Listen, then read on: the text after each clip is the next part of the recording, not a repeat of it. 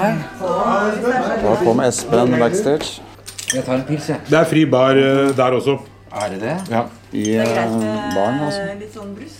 Hva sier de? Ja, ja, I baren. Jeg bare sier eh, Får du en kopp? at det er fri bar oppe i baren, og så er det fri bar her på backstage. Ja. Så jeg, eh, jeg, jeg gjør standup såpass sjeldent at jeg, jeg er sånn som at jeg, jeg drikker litt før jeg skal gå på scenen. da. Ja, men hvor mye da? Bare en, Nei, det, hvis, hvis publikum Jeg, jeg følger alltid publikum. Eh, så hvis eh, jeg ser fra backstage at de er veldig fulle, så sørger jeg for å være akkurat Akkurat omtrent samme promille som dere. da Sånn kameleonselig til eh, Woody Allen. For du, men du mister ikke noe timing av det? Altså. Jo, jo, jo.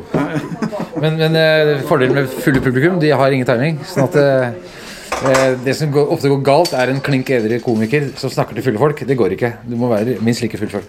Du mener at du mener, det er noe i dette her? Altså, Ja, ja, ja, ja. Uh, Zaid også er enig i det. Det var skyldig på publikum, de var fulle, så derfor måtte jeg svare det. Det funker jo hver gang. Det funker veldig bra hver gang. Sahid Ali heter jeg. 40 år. Bosatt i Horten. Takk. Ja, bare for å plassere oss eh, geografisk, så er vi altså i Horten på standup-klubben til Sahid Ali. Ja, Ja, Espen Thoresen, eh, vær så god, takk skal du ha. Ja. jeg, har- jeg har slutta å bruke det. Har du det? Ja. Ja, ok. Så nå heter du bare Espen Thoresen, Nei, nei, ja.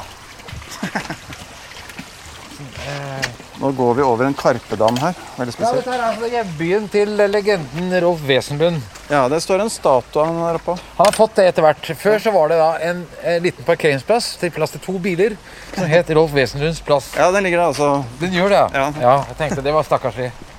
Uh... Men det statuen er jo ikke en statue heller. Det er bare en sånn sokkel, veldig høy sokkel Aha. i menneskehøyde. Og oppå der er det et eh, hode. Å ja. Og det er ikke hodet til Rolf Wesenlund? Det er hodet til Rolf Wesenlund, da. Det er det. Så der, akkurat der traff de spikeren på øya Har du sett statuen i, av Jahn Teigen i Tønsberg? Har du sett den? Ja, jeg har sett den. Åh, og jeg har gode, sikre kilder så har han da stått over skulderen på kunstneren mens den ble laget. Oh, ja. Eh, så den er laget etter hans eget design. Det som er morsomt der, er jo at den er laget i nesten sånn to tredjedels størrelse.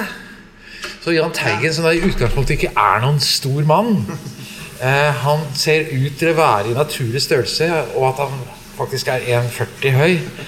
Eh, så det vi, vi har alle vårt Ja, Det er ikke godt å si hvilken av de her? som er Vi setter oss her på et bord her. Vi har gått inn på en kinarestaurant for å Hei. prate litt i Roma. Hei. Jeg kan bestille jeg, har, jeg kan få et glass øl og det. Glass øl. Ja. Eh, kan jeg bare få en eh, brus eller en, Brus. en Pepsi Max? Pepsi Max. Cola Zero? Nei. Pepsi Cola eller Pepsi Max? Pepsi Max er fint. da. Pepsi Max. Tusen takk. Og så er glasset øl. Ja takk. Ja. Ja. ja, det er ikke så ofte at du gjør standup, nei. Nei, det er lenge siden, altså. Ja. Jeg har egentlig Jeg har egentlig lagt det på hylla. Akkurat. Eh, Sånn halvveis bevisst. Men, men det er jo liksom nei, Det er kommet masse proffe komikere, og jeg har egentlig hatt dette her som sånn greie som Jeg har aldri egentlig vært noen god heller, syns jeg.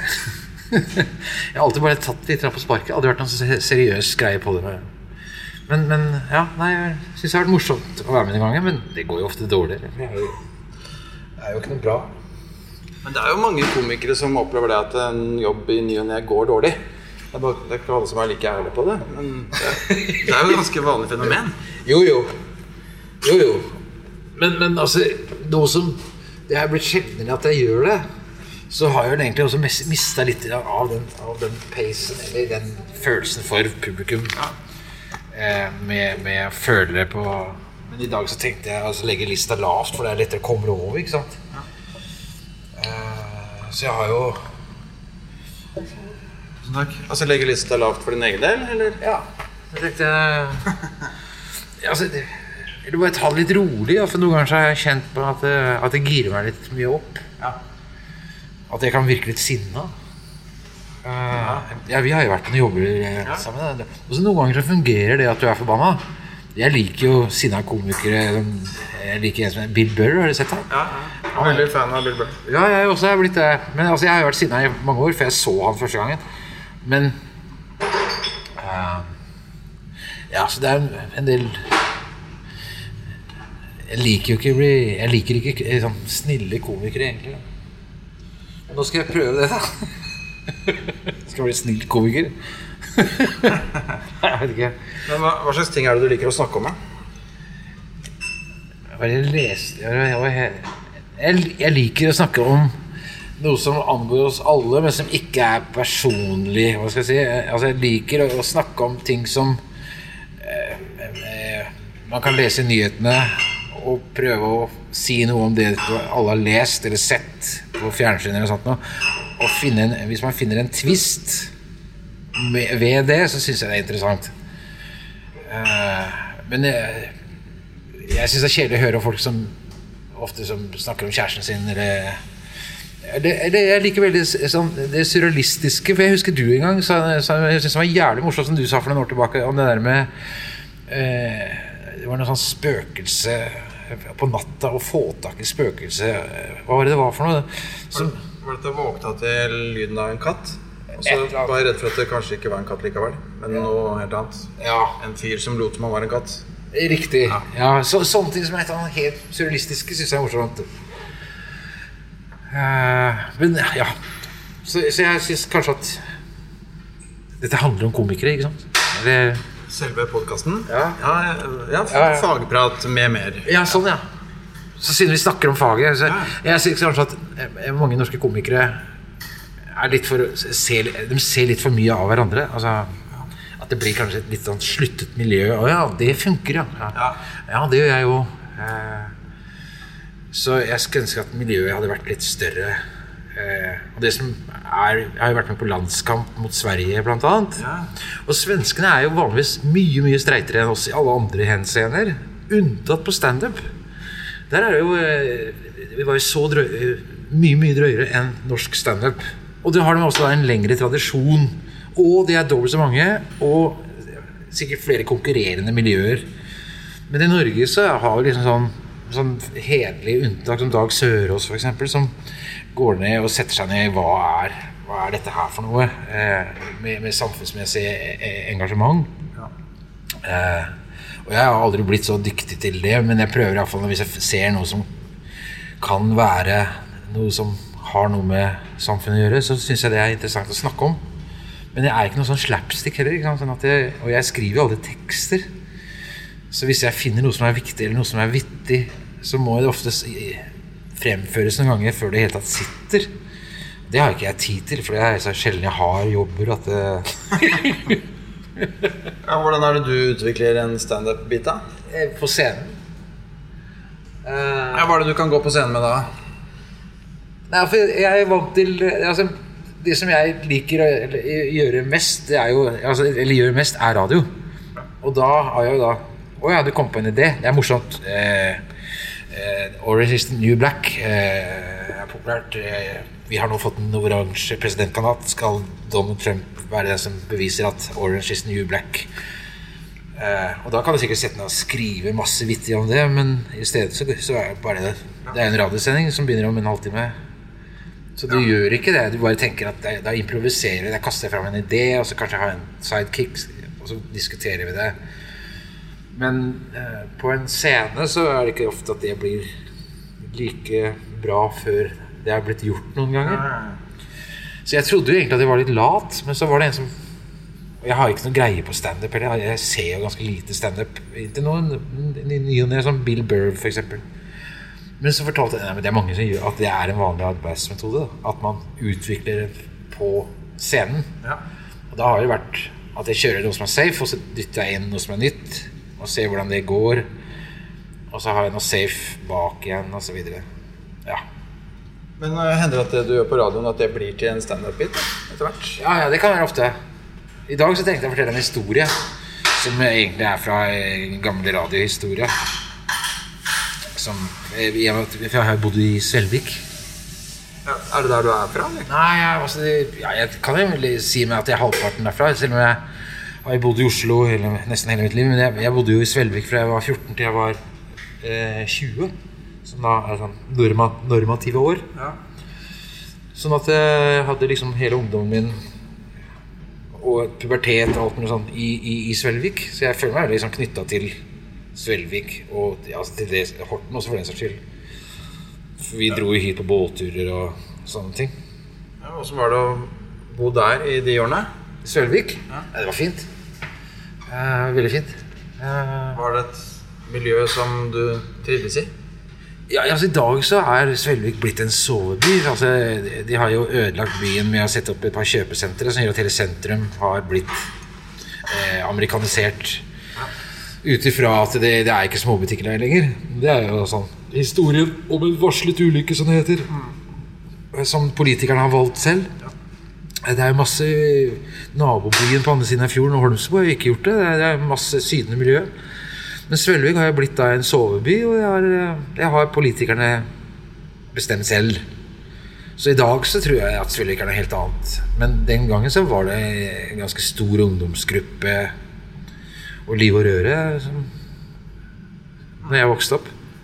Når var det du begynte med standup? Var, var, du blant de- var du med på den, blant den første gjengen som Nei. var på? Nei. Nei, jeg satt litt jeg, jeg, jeg var jo i radioen, så jeg, jeg fulgte jo med på eh, den første gjengen med, med Jonas eh, Rønning ja. som konferansier på Christian Kvart. Ja. For dette ble jo vist på fjernsyn. Ja, stemmer. Og det var jo så, de jævlig, de var jo så jævlig dårlig. Og jeg gikk jo ned og så og tenkte ja, verdens navn, hva faen er dette her? Eh, og jeg husker jeg satt jo på eh, eh, og slang dritt om det på radioen. Eh, for jeg syntes det var jævlig dårlig. Og det var dårlig, da. Det må, det må kunne tørre å si. Men, men de, de, i dag så har jo de Det var jo noen som gikk og brøyta vei. De fleste av de som var på scenen, de forsvant vel også, kanskje. Eh, men jeg husker at jeg var i et møte med Lina for mange mange år siden. Jeg regner med at du tenker på Lina Kranz der. Ja, ja, ja. Så da, eh, da hadde jeg vel gjort et par sånne jobber på egen hånd. Eh, Jeg, jeg så det i Trondheim en gang, hvor det, det var en, en klubb som hyra inn deg og Atle og Kristoffer Atle Antonsen, så klart, og Kristoffer Schau på et eller annet sted. Hvor dere kom og gjorde hver deres eh, lille time, tre oh, ja. kvarter hver eller noe sånt, som Gjorde det? hver torsdag en periode. Så du, og det var ganske tidlig. 96 eller sånn. Ja, ja. Jeg husker ikke det. Men det var ikke det du skulle si? Du Nei, altså, nei, du spurte begynner. For jeg er ikke sikker på det var litt sånn glidende overgang. For det jeg husker, var at det, dette her var jo da på P3-tiden, hvor vi var eh, ganske kjente. Hvor jeg rett og slett bare sånn fikk Kan det komme på en eller annen utested oppe ved Elverum eller et eller annet? Og, og snakke Og snakke, som de kalte det. da. Så skulle jeg få 10 000 kroner. Det fikk du i Trondheim òg. Så jeg spurte. Var det du lå på den gangen? Ja, det var det jeg lå på den gangen. Nei, Det var jo 10 000 kroner. Det var, ja, det var jo det var, det var nesten 11 000 kroner. Så, så, og da husker jeg at da, da sleit jeg litt, for jeg hadde jo ikke noe særlig å fortelle. Var jo eh, Jeg kunne jo godt sette meg i et radiostudio og egentlig bare improvisere meg videre. Men jeg, det når jeg da sto foran et publikum som sikkert hadde en eller annen slags forventning om at her skulle skje noe De hadde faen betalt eh, inngangspenger. Ja. Så husker jeg det var sånn litt lærepenger. Liksom, ja, faen, jeg må finne på noe å si, osv. Da begynte jeg etter hvert. Eh, og så hadde jeg vel noen jobber på Christian Kvart etter hvert, og så, som gikk sånn passe. Eh, men så var det vel at jeg fant en eller annen Jeg fant en eller annen eh, måte å gjøre det på etter hvert. Og begynte å sette meg ned og forberede meg. Og liksom sånn, begynte å se på aviser på en ny måte. Og, eh, og så etter hvert så hadde jeg et, et repertoar. Og da var jeg jo Ja, ja da, da gjorde jeg en del standup. Men så, jeg var jo aldri Jeg skal si for noe sånn inni varmen til, til Standup Norge. Sannsynligvis kanskje fordi at jeg, hadde en vekslende eh, nivå av, av kvalitet. Altså det, det, fordi jeg stadig bitt jeg, jeg, jeg, jeg, så det som en ære å liksom finne på noe nytt ofte. Jeg var ikke så opptatt av at holde et nivå. Altså, altså du hadde nytt materiale istedenfor å safe? Ja, altså, for det var jeg vant med. da det var radiosending hver jævla dag. Så når jeg kom på noe hver jævla dag. Så for meg så var det da liksom sånn Å, jeg gikk bra på Kvarten på tirsdag, ja. Da kan jeg kjøre neste Nei, det kunne jeg ikke. Og det var liksom noen gre- begrensninger satt for meg selv. Men så etter hvert så var det at det begynte å danne seg et slags en settliste av ting jeg visste fungerte, og det, det som liksom ble grunnmuren, hvor, som du var inne på i stad, at du kan begynne å stikke inn nye ting inni det som da var begynt å var noe som jeg hadde trent på, eller som jeg visste hvordan det skulle fortelles ut ifra et standup-perspektiv med timingen. For jeg sleit jo med timing. ikke sant? Eh, jeg stoppet jo ikke opp. Hvis jeg fikk en latter, så bare fortsatte jeg å snakke mens latteren holdt på. Skjønte ikke sånne ting. Nei, dreper latteren, ja. Ja, ja. ja. For det er ting du ikke trenger å tenke på på radio. Kanskje det der har noe Ja, ikke sant? Jeg bare, ja, jeg bare fortsatte. Så jeg husker meg som sa Men du må jo stoppe opp når folk ler. Nei, hvorfor det? Jo, det er det folk gjør. Men jeg gjør hva folk gjør. Eh, Jeg var ikke med på den greia. Eh, Jeg forsto ikke konseptet standup, eller aksepterte det kanskje heller ikke helt. da At jeg Jeg ville liksom gjøre min egen greie. Jeg vet ikke. Ja. Hva er det du skal snakke om i dag? Hva er det som står på settlista? For nå har du tatt fram en sånn uh, A4-blokk. Det er altså, Hortenfestivalen, da. Det- Verbenfestivalen, altså? Hæ? Verbenfestivalen? Hortenfestivalen? Er det noe annet, det? Ja, ja. Altså, I Horten så var det en av Norges største rockefestivaler en gang i tida. Ja. Ja, ja, Bob Marley Det og var der Bob Marley spilte? Jimmy ja. Cliff og eh, Rick, Rick Wakeman. Jeg, jeg var der noen ganger, da. Ja. Hvor, hvor gammel er du, forresten? Jeg er 58. Så jeg, jeg må jo da jeg, jeg går ut fra at dette er et av de store hakkene i, i, i skjeftet til Horten. Så de som er der i dag, er sikkert ikke født eh, Kanskje. Men jeg er helt sikker på at foreldra deres har skrytt om at en gang så var Bob Marley i byen. Nei, Det er klart, det. Eh, Så jeg tenkte å begynne med det. Jeg hadde store opplevelser i Horten eh, på Hortenfestivalen. Med lokalstoff, ja. Ja, og så skal jeg gå over til Svelvik, og det er bare å beklage. Altså. Jeg, er, jeg har ikke gjort dette på lenge. Så her kjører jeg liksom sånn, ganske sånn safe med noen, noen historier fra Svelvik som ikke er standup egentlig, men som bare er historier fra ungdomstida mi i holdt på å si, nabobyen i Horten. ja. Som eh, godt mulig du har hørt før. Eh, så det, det sier jeg med en gang. Eh, jo, så har jeg skrevet ned seg altså det er litt om Trump. ja. At det som nederst, betyr at du tar det til slutt? nei, nei, nei dette, jeg må gjøre om alt dette her. Dette er bare det jeg skrev ned mens jeg satt og så på TV her i stad. Altså, du har noen aktuelle ting på, på Trump? Ja. Ja, altså, jeg tenker altså, Jeg bare slo meg Jeg nevnte med Orange is the New Black at eh, Jeg tenker på de som da jobber i Det hvite hus. De har nå da hatt en svart familie der i åtte år. Som er høflige, hyggelige, eh, flotte mennesker. da Som skal flytte ut. Og nå skal de ha da Muligens skal det komme en oransje mann eh, inn og kanskje roper sånn Jeg ser for meg at han kommer inn og brøler og 'Orange is the new black' altså, eh, inn i Det hvite hus. At det, at det er en sånn marerittscenario som eh, det er Jeg har ingen sluttpoeng på det. Men det er noen poenger inni der. et det, det Poenget er bare 'Orange is the new black'. Da Ja, ja. ja. Syns du det er morsomt, da? Det er vanskelig å si. Vanskelig du si. Skal du si det akkurat på den måten der? Nei, jeg kan ikke gjøre det. Jeg skjønte det var helt feil. Jeg, sa det jeg må si Jeg må selge inn at han er jo oransje. Den forrige er eh, svart. Og Men at at han har oransje, i- altså sånn solariumsoransje? ja, ja, Alle er enige om at Trump, Donald Trump er oransje. Er, er Er det ikke litt oransje i håret og alt? Eller? Ja, alt er oransje. Ja. Så jeg må bare si at han er oransje. Forrige er eh, svart og hyggelig.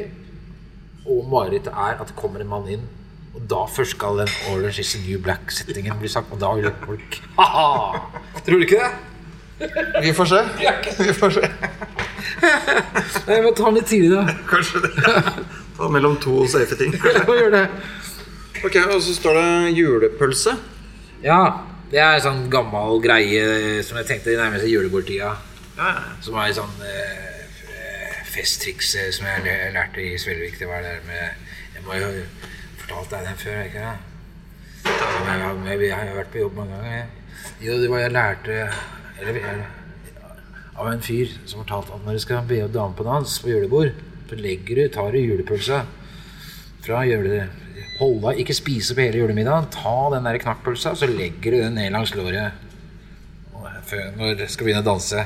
Og mens du danser, så klemmer de den forsiktig mot låret Uh, den du danser med. Og de aller fleste damer vil jo da tenke oi, dette var jo voldsomt. Hvor offensiv han var.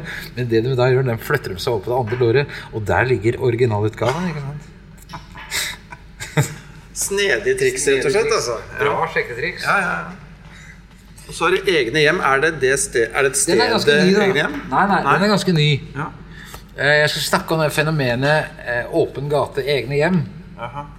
Eh, Den er ikke så gammel. Den har jeg bare prøvd et par ganger før. Det er når du leser avisen at mann slått ned på åpen gate. Altså Det er noe av det verste som kan skje. ikke sant? Ja, ja, ja. Hva er det? Høylys dag, åpen gate. Ja. Sånn at Hva er det med åpen gate som er så skummelt? Og så var det da en eller annen politiker som hadde blitt alvorlig syk i eget hjem. Eh, er også det? så det, hva er det med åpne gater og eget hjem som gjør sakene mye verre? da? Ja, mye verre. Ja, at de er alvorlig syk. Hvis han har vært på besøk, det har vært mye bedre. Ja, eller delvis nedbetalt eh, om Ikke, ikke, ikke helt nedbetalt. Ikke eh, helt nedbetalt, det er ikke hans hjem. Eller, Lån til pipa, til og med. ja, eller alvorlig syk i et totalt fremmed hjem. Det fungerer heller ikke. Sånn at det, altså det er det fenomenet åpen gate i egne hjem-ting. Men det aller verste sånn det virker sånn, da, at det voldtatt eller slått ned eller hva som helst. Men hvis det står da 'Mann slått ned på åpen gate', da er det ille. Har dere merket det? Det er et eller annet hvis det er på Å, i helvete, var det åpen gate! Altså, altså, da er det Jeg husker ikke hva jeg skal Arkitekt, Arkitekttegnet, ja. Jo. Eh, det er altså da Dere ser boligannonser hvor det står at huset er arkitekttegnet. Da tenker jeg sånn Ja vel, men er ikke alle de fleste hus tegnet av arkitekter? Altså, er, det, er det bare noen? Jeg trodde at alle var det. Sånn at eh, Ville noensinne komme på en visning og spørre hva slags folk er som har tegnet det? Nei, dette huset er tegnet av en fysioterapeut. Altså, du, du, eh, så jeg skjønner ikke hvorfor de fremhever at det er en arkitekt som har gjort jobben sin. Ja, ja. Eh, ja, nettopp. ja. Her er det en som har gjort jobben sin. Ja. ja, det er en arkitekt som tegnet huset. Ja vel, så det er ikke en eh, lokfører. Nei, nei. Eh, det er godt å vite. Ja, Det er ikke en av snekkerne som har tegna litt på si. ja men så snekra. Det er ikke en snekker som har improvisert seg fram. Oi, Som hus. på en serviett. Mann slått ned i innerst en enveiskjørt eh, tofil. Ingen bryr seg. Gata er åpen! Oi, helvete! Enda verre er eh, mann slått ned i eget hjem! Det er noe av det verste som kan skje. At det er ditt hjem! Du er slått ned. Det står ingen sånn. Mann slått ned i en delvis nedbetalt Obos-leilighet. Eh, leser alle det? Mann slått ned i et sted som ikke var hans i det hele tatt. Han bodde ikke der, ja. Eh, mann slått ned i arkitekttegnet bolig. Står aldri. Det er også hvis du ser de boligannonsene hvor det står sånn eh, 'Arkitekttegnet hus til salgs'. Og så tenker han Hæ? Eh, ja. Eh, er ikke alle husene tegnet av arkitekter? Kanskje ikke, nei. Jo, Hvis den da fremhever at det er tegnet av en arkitekt, hvem har da tegna de andre husene? Er det mulig å gå på visning og spørre hvem har tegnet dette? her? Nei, det er en fysioterapeut nede i gata. Hvem er det tegnet dette? Det er ikke tegnet i det hele tatt. Nei, det er snekkeren bare begynte å slå sammen planker, og så ble det bare til. Og så er det ukjent beløp. Er drittgammal NSB-streiken. Eh, Hva er det står for noe der? Bjørndalen. Bjørn Jo! Eh, det er en drittgammal greie, men jeg drar den fram nå for at den er litt aktuell fordi med Therese Johai og doping osv. Så, videre, så eh, At hun har såre lepper, og, og det har liksom blitt en eh, stor skandale. Men altså, mitt poeng er jo Bjørndalen med den snørra hans burde vært tatt opp for mange mange år siden. At det, det syns jeg er mye verre. At han burde vært stoppa. Eh, Ja. eh, så ja. Eh, det er det jeg har skrevet ned fram til nå. ja, men Så du bruker dette her bare i en litt annen rekkefølge? Ja. Ja, man, ja. ja, for jeg har en liksom lengre harang her om Svelvik. Julepølse. Ja, jeg skal sette meg ned og prøve å få inn den Donald Trump-greia. Og så er du han der predikant på, på i går. Uh, Ja. TV-Visjon Norge. Ja, fy faen. Jeg tenkte bare å nevne om han, altså. Det? Men det tenkte jeg på i stad. Uh, så nå er jeg ikke sikker på om jeg husker det. Ja, ja for det, det, det var han som, det er han som oppfordrer folk til å gi penger til kirken. Eller menigheten, eller hva det er. Ja, ja. Og det er det de baserer seg på, inntektsmessig. ja. Og så er det vel noen vage løfter om at da får du noe lønn fra himmelen og litt Jo, sånn. jo, dess mer dess mer får du. Ja. Man skal høste som man sår, ja. Hvis du ikke sår, så kan du ikke høste. Men innen det kommer du kommer til himmelen, så tar han den mesteparten. Uh, hva het den, da? Han fyren? Ja. Åh, hva heter han, ja? Ah, guffen fyr. Jan Olav Lindahl? Jeg husker ikke. Nei, ikke Lindahl. Det. Men uh, jeg må finne navnet hans. Hvis jeg, men jeg har ikke noe særlig morsomt å si om det. Eneste jeg la merke til på radio i stad, at han har lært av eh, Donald Trump. Dette er mer sånn Jeg liker jo bare å snakke om ting som jeg syns er viktig. Vi hørte på Dagsnytt 18 hvor eh, Knut Magnus Eller han fra eh, eh, Jon, Magnus? Nei, hva heter han NRK-duden med grå hår? Ja, Magnus Magnus heter han. Han var det Dagsnytt 18, og da hadde han blant annet han eh, eh, drittsekken han, eh, og noen fra kirken, en prest, som sier helt klart at dette her er uetisk. eh, Det er griskhet osv. Og, eh, og at det var ja, ikke minst uetisk.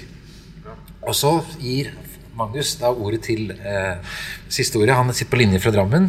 Og så, ja, nå blir det, kalt, nå blir det sagt at, du er, at dette, dette er Nå sier jo pressen her at dette er uetisk. Nei, det sa hun ikke. Eh, og så eh, Han ble anklaget for å ta betaling for forkynnelse. Og så hadde han lært av Donald Trump, for han sa ganske glatt at nei, det sa hun ikke. Eh, og vi betaler for å forkynne. Så sier han akkurat Hallo! Det var da jævla Den dreper noen med en ishakke bak disken. Ja, så Han bare snudde alt på hodet. Og det, Akkurat som Donald Trump gjør. Ja, Det var det jeg skulle snakke om Donald Trump. Ja. For nå har han da funnet på nytt. For han, eh, Hillary er jo eh, for eh, eh, fri abort, ikke sant? Så nå har da eh, eh, denne Donald Trump-kampanjen Dette så jeg på eh, YouTube i går. Eh, den gått ut og sagt at, at Hillary er for abort fram til noen timer før fødselen.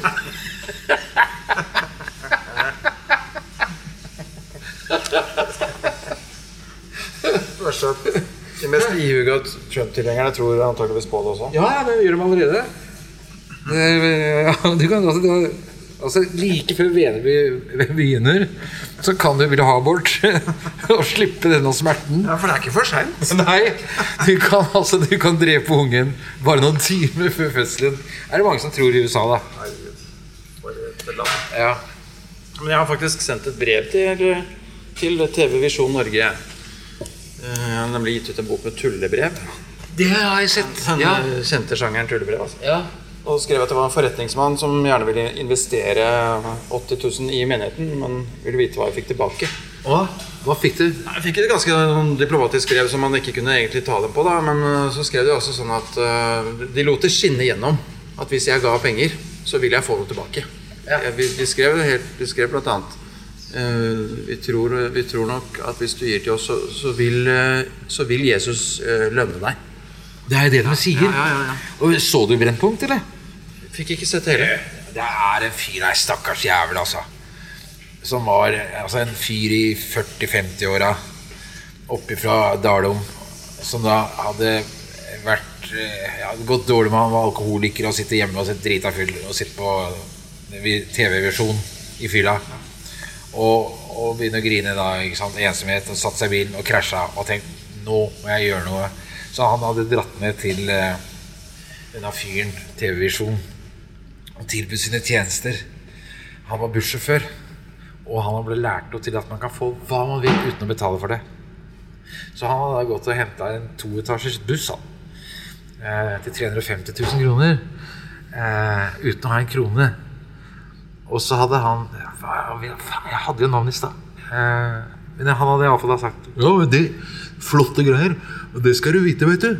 At den bussen her tar vi og maler opp med reklame for Nå kommer han amerikanske han er på Telenor Arena. Det tok en malte eller bussen da, med reklame for den festen, eller forkynnelsen på Telenor Arena. Og når busselskapet, eller selgeren, fikk så ville han ha 50 000 i depositum. Og da sitter jo denne bussjåføren og sier Og da gikk jeg til eh, Jon, eller han predikanten, og så Og han ga meg 50 000 med en gang til depositumet til, et, som et lån. og så er, jeg, så er jeg tilbake til han etter en stund, da. Og så står han med den bussen sin. da Og jeg har da, jeg har 3 kroner og 50 øre, og nå vil de ha denne bussen. da Så han var jo, eh, satt jo da 50 000 i gjeld, da. Eh, så ja, nei eh, Altså, det er jeg snakket om det med Hege i bilen på vei ut hit i stad. Det er liksom da fremdeles nesten 100 millioner mennesker i USA som syns at Donald Trump er en hyggelig fyr. Eller smart fyr. Eh, for alle andre så ser det ut som han ser ut som en dørvakt, snakker som en dørvakt, tenker som en dørvakt. Han er en dørvakt eh, som tilfeldigvis har blitt jævlig rik. Eh, men, men det er ikke så mange år siden vår egen lille hjemlige dørvakt Carl I. Hagen sa de mest utroligste ting. Ikke sant? Sende narkomane til Jan Mayen. Altså det var Pakistanere var i Få dem hjem. Altså Det var ikke måte på. Men det var jo en periode da på slutten av 80-tallet og på begynnelsen av 90-tallet hvor Frp hadde høyeste målingene i landet. Og landets største parti. De var tett oppunder 30 Det er, nesten, altså det, det, er, det er ganske mange mennesker i Norge som, hvor det ligger potensielt eh, en eller annen gen som, det, som drar i en spak. Når de hører bare det rette budskapet, og som ikke har den andre spaken som sier eh, 'Å, går det lar seg gjennomføre?' Eh, nei, det finnes ikke. Så at det, det finnes altså et segment i Norge også ikke sant, som er eh, ganske stort. Av folk som er villige til å tro på eh, det som høres for godt ut til å være sant. Nå fikk jeg melding fra Zaid Ali, min medkonferansier. Eh, Kommer du? Spørsmålstegn. Vi kan betale. Kan vi få betale? Ja, eh, kort eller kontant? Kort. Kort, ja. Jeg, jeg tar det. Skal du ta det? Selvsagt, selvsagt. Jeg hørte du hadde vært og snakka med Kristoffer. eh, Ja. Var de her? Var de i Horten, ja? Nei, nei Den er Rockefeller. Ja, ja, det var det. ja Nei, nei, du var jo med dem på turneen. Ja, jeg var med til Praha en tur også. Da er det pause. eller Pausen er vel snart over, og jeg er klar for å gå på snart. da. Jo, jo. Nå har jeg skrevet en settliste Ja. som er eh, lang og fin. ja, Hvor lenge skal du stå, egentlig? Jeg har lovt minst 20. Minst 20. Ja, så hvis det går bra, så står jeg vel så lenge jeg har noe å prate om, da. Ja, okay. Men skal vi gå på hvor, Når skal vi gå på? Kan jeg si noe? Jeg er jo ikke en del av intervjuet. Jeg heter Zaid Ali, 40. Vi, vi burde gå på nå, ja. Da gjør vi det. Og så er det en før meg, ikke sant? Dan, Det er en, Dan er Lykke Larsen. Ja, han Så flink, eller? hører du Ja, han er, eh, han er veldig flink. Ja, jeg tror på han. Jeg tror på han. Må ikke man er for bra, da. For at jeg, Ja, det er noe med det. for han er litt dårligere enn meg. Tusen takk for meg.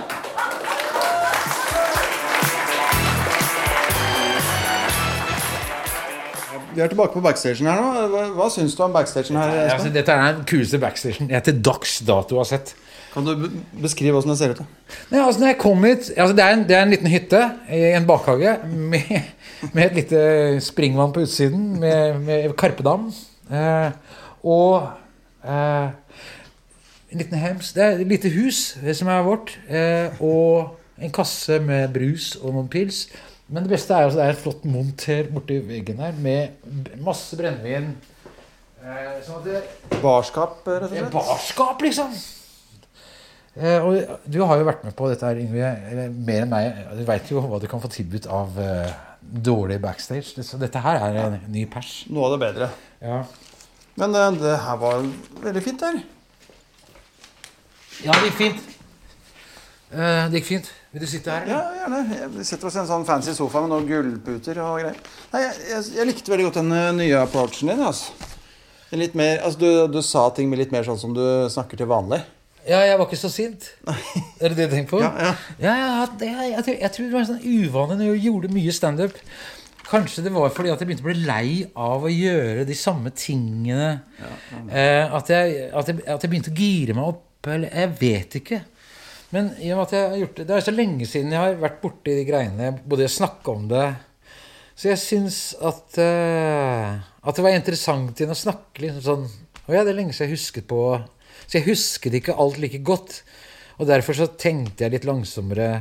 Så ja, det fungerte, eh, fungerte fint. De elska litt sånn eh, historie, for du er litt sånn historieforteller på standup-scenen. Jo, jo. Jeg, jeg, jeg liker jo veldig godt historier. Ja.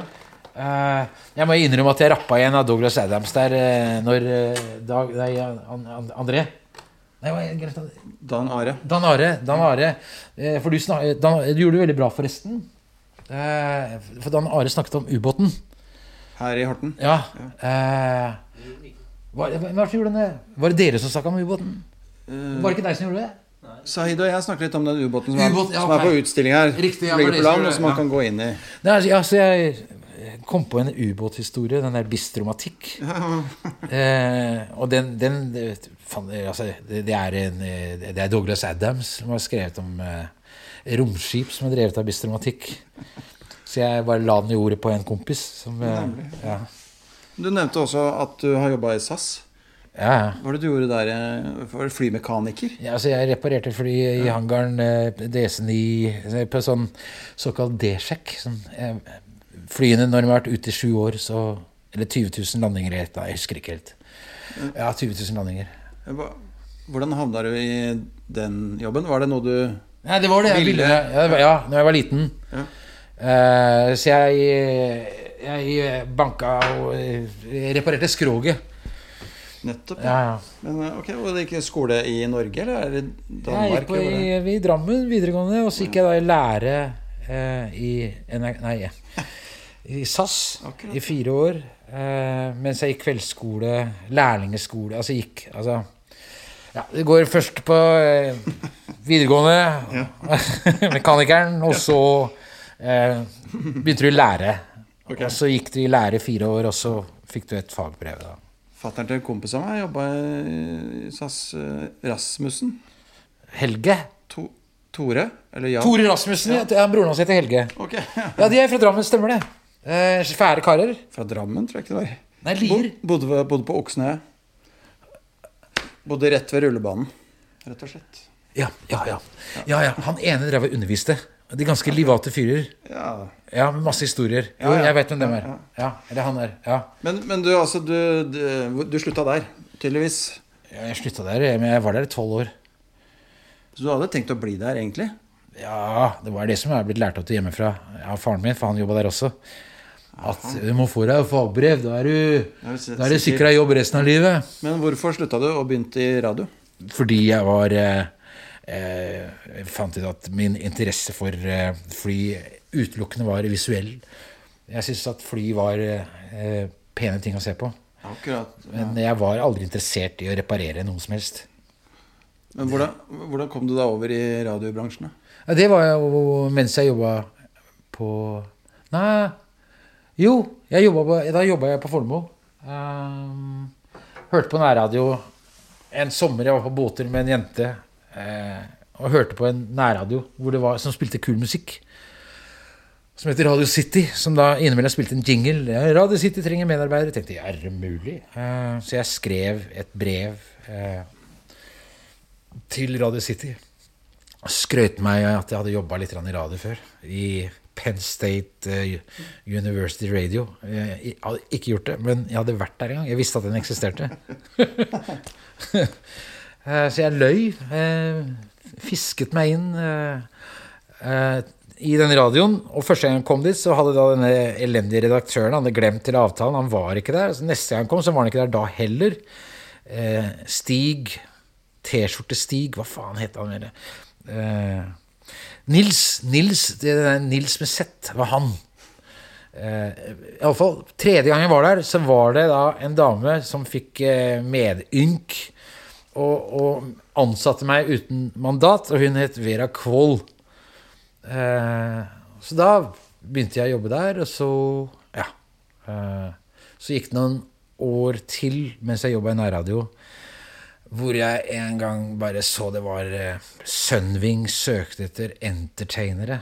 Eh, så jeg bare eh, Jeg gidder ikke. Jeg, jeg hata jobben min. Eh, så jeg sendte inn en søknad og gikk på audition. Eh, for jeg var den tiden eh, god på gitar. Eh, Så jeg måtte spille gitar og synge, og så fikk jeg jobb som entertainer i Spania. På Mallorca. Alcodia. Sunwing Alcodia. Eh, som entertainer. Eh, fikk sparken etter fire måneder. Eh, var glad for det. Og så var jeg backpacker i tre-fire år mens jeg gjorde opptak. Jeg tok opp masse. Eh, og, og, og så når jeg kom hjem, så satte jeg meg ned og så begynte jeg å redigere det jeg hadde, mye av det jeg har tatt opp.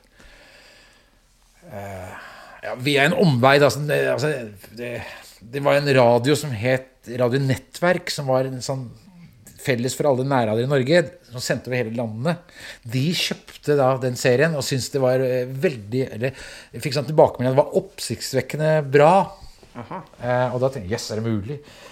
og da først, når de Radio Nettverk sa at det var veldig oppsiktsvekkende bra For jeg, jeg er jo en tekniker og gjerne syntes det var gjerne moro å sitte og forske på lyd og eksperimentere. Og, ja. Og da tok jeg og sendte den til Eller gikk opp med den til NRK. Fordi eh, noen hadde innbilt meg at det fantes en frilansdisk desk i Radioresepsjonen. Ja. Hvor det liksom var en sånn pølsebu hvor det leverte okay. Men det var det ikke. da Så når jeg kommer opp dit, så står, spør jeg liksom Hvor er det frilansdesken er? Eh, hva? Nei, hva er det du mener? Eh, og så kjente jeg bare at magen sank, og at dette var i ferd med å bli en pinlig retrett. Så kommer Totte Osvold eh, og stiller seg ved siden av. Han har glemt adgangsbeviset sitt. Og han hører hva jeg sier. Så han sier 'hva er det du vil'? Eh, 'Nei, jeg har en kassett her'. Eh, så sier han 'jeg kan ta den med'.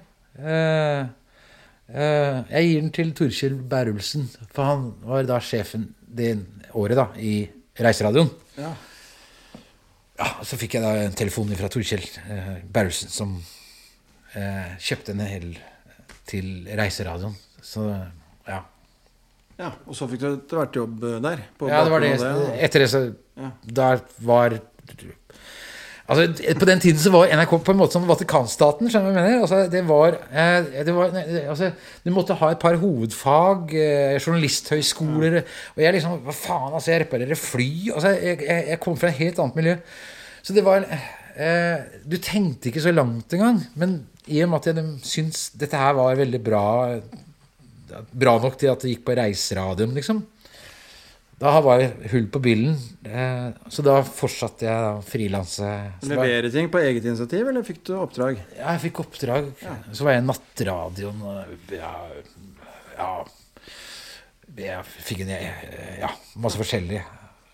Og så kom P3, og da var jeg etablert. altså, Da leverte jeg til Ungdoms Radioavis. Jeg var liksom direkte reporter og så videre. Og så kom jo P3 eh, med disse headhunta stjernefolka. Lars Hognestad som kom dansende inn rett fra Radio 1. Og jeg tenkte hva faen? Eh, og så klarte jeg da å liksom Jeg var jo misunnelig på dem som skulle starte den nye ungdomskanalen. Ja. Eh, for jeg hadde jo ikke blitt spurt om noe som helst. Men så var det via noen Jeg hadde jo levert et eller annet da, som de likte. Så plutselig så var jeg da med i eh, Noen måneder etter at de første møtene var, og noen måneder før det kom på lufta, så var jeg inne i systemet i P3. Ja, Og hvordan oppsto Excel, da? Det oppsto med Lars Ognestad. Eh, fordi Ja, det var han som Ja. var programleder først. Ja, for da het programmet Excel fordi det var altså Ekstra Lars. Ja, det var det. Så jeg var eh, reporter sammen med Synnøve Svabø og etter hvert eh, Kristoffer, eh, som du har kjent, eh, eller kjenner i mange år, eh, Kristoffer Schau. Eh, og eh, ja, Golden, Johan, kom som sivilarbeider. Så etter hvert så var det jeg og Golden, Kristoffer og eh, Atle kom sist. Eh, men iallfall Kristoffer og jeg drev og begynte å operere som reportere.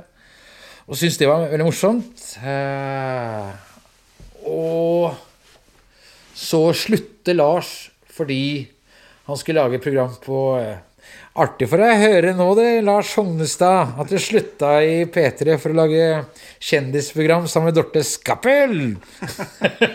Hva slags program var det? Nei, det var jo altså ikke noe, ikke noe forkleinelse for verken Dorte Skappel eller Lars. Nei, det var et sånn veldig overfladisk kjendisprogram. Men Lars ville til TV. Ja. Uh, I dag så Lars eh, han, I dag lager Lars TV med Bård og Harald. Og har lagd masse bra TV, så Lars hørte hjemme TV. Men da forsvant han, så ble det liksom vakuum. Uh, fordi jeg hadde i utgangspunktet ikke så jævlig lyst til å overta. Jeg ville helst dreiv, rei, reise rundt ute sammen med Kristoffer. For vi kjørte rundt med NRK-bil eh, og stoppet folk på bussholdeplasser og spurte hvor er skallen? Jeg skal til Kjelsås. Hopp inn! Og så kryssforhørte vi. Kjørte sånn revolverintervju på busspassasjerer. Kjørte dem hjem. Så det var det som var morsomt, da. Eh, Så den der å sitte i studio eh, Det var ikke noe fristende. Eh, Men så måtte jeg gjøre det på et eller annet vis. For det, jo, så var det først Herman Basgaard. De som var fast ansatte. Herman Basgaard skulle overta. Men så ble jeg da satt som sommervikar mens Herman var utenlandsreise. Så hvem er han skulle overta. Og i løpet av den sommeren syntes jeg dette var gjerne moro. Da. For da lagde vi et helt annet program. Så nå eh, så var det eh, Kari Slottsvenn som jeg husker på et møte sa at du, dette programmet Excel har jo blitt jækla morsomt. Hvorfor skal dere, eh, hvorfor skal dere kutte ut det? det Nei, det går fint. Du trenger ikke være stille, Hege. Jeg bare sier at nå går taxien. Det var det jeg prøvde. Ja, ja. Å ja, ok. Ja, ja, ja. Eh, Det er Hege som skal kjøre meg hjem. Ja, ja, sånn. Eh, Sånn at det, Kari sa 'hvorfor skal dere Det er nå det begynte å bli morsomt'. Og så, når Basgaard kom hjem fra motorsykkelferien sin, så fikk vi beskjed at de hadde rappa jobben. Eh, Men han tok det fint. Så bra. Excel var jo noe helt nytt på radio. Hvor, hvor, altså, hva var konseptet, og hvordan fant dere formatet? Eller bare ble det sånn det ble? Uh, altså, dette er jo så lenge siden. Altså, det, altså det, det, det var jo egentlig bare at vi, vi som jobba der, fant hverandre på et eller annet vis. Dere hadde jo ganske lik humor ganske lik Ja, altså sjargong og eh, Golden kom jo etter hvert med, med, med, med Atle Antonsen. Eh, Øystein Carlsen dukket opp. Janne Rønningen. Så det, det begynte jo med at jeg tror at det var eh, At jeg var, jeg, var jævlig lei av nærradio som lignet veldig på hverandre. Eh, med at programmene sa De sa ikke hva de het, de sa 'Jeg er'. Og Lars Hognestad var jo 'Jeg er Lars'. Altså, han kjørte veldig sånn nærradiogreie, og det gjorde hele P3 i begynnelsen. De ville legge seg tett opp til hva nærradioene var. Og så ble det sånn at det, vi har lyst til å gjøre det akkurat det motsatte av hva de, alle de andre gjorde. Det var sånn svømme mot strømmen.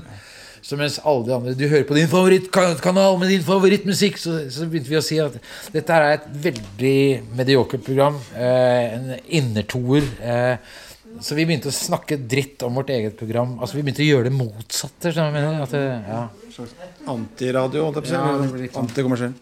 Men du jobber med radio nå også? Rekker vi to minutter til? To spørsmål til? Hege, to minutter til. Du skal kjøre en veldig gammel mann eh, på sykehuset i morgen. Jeg må komme hjem og skynde. Så to minutter til. To minutter. Gir vi tur.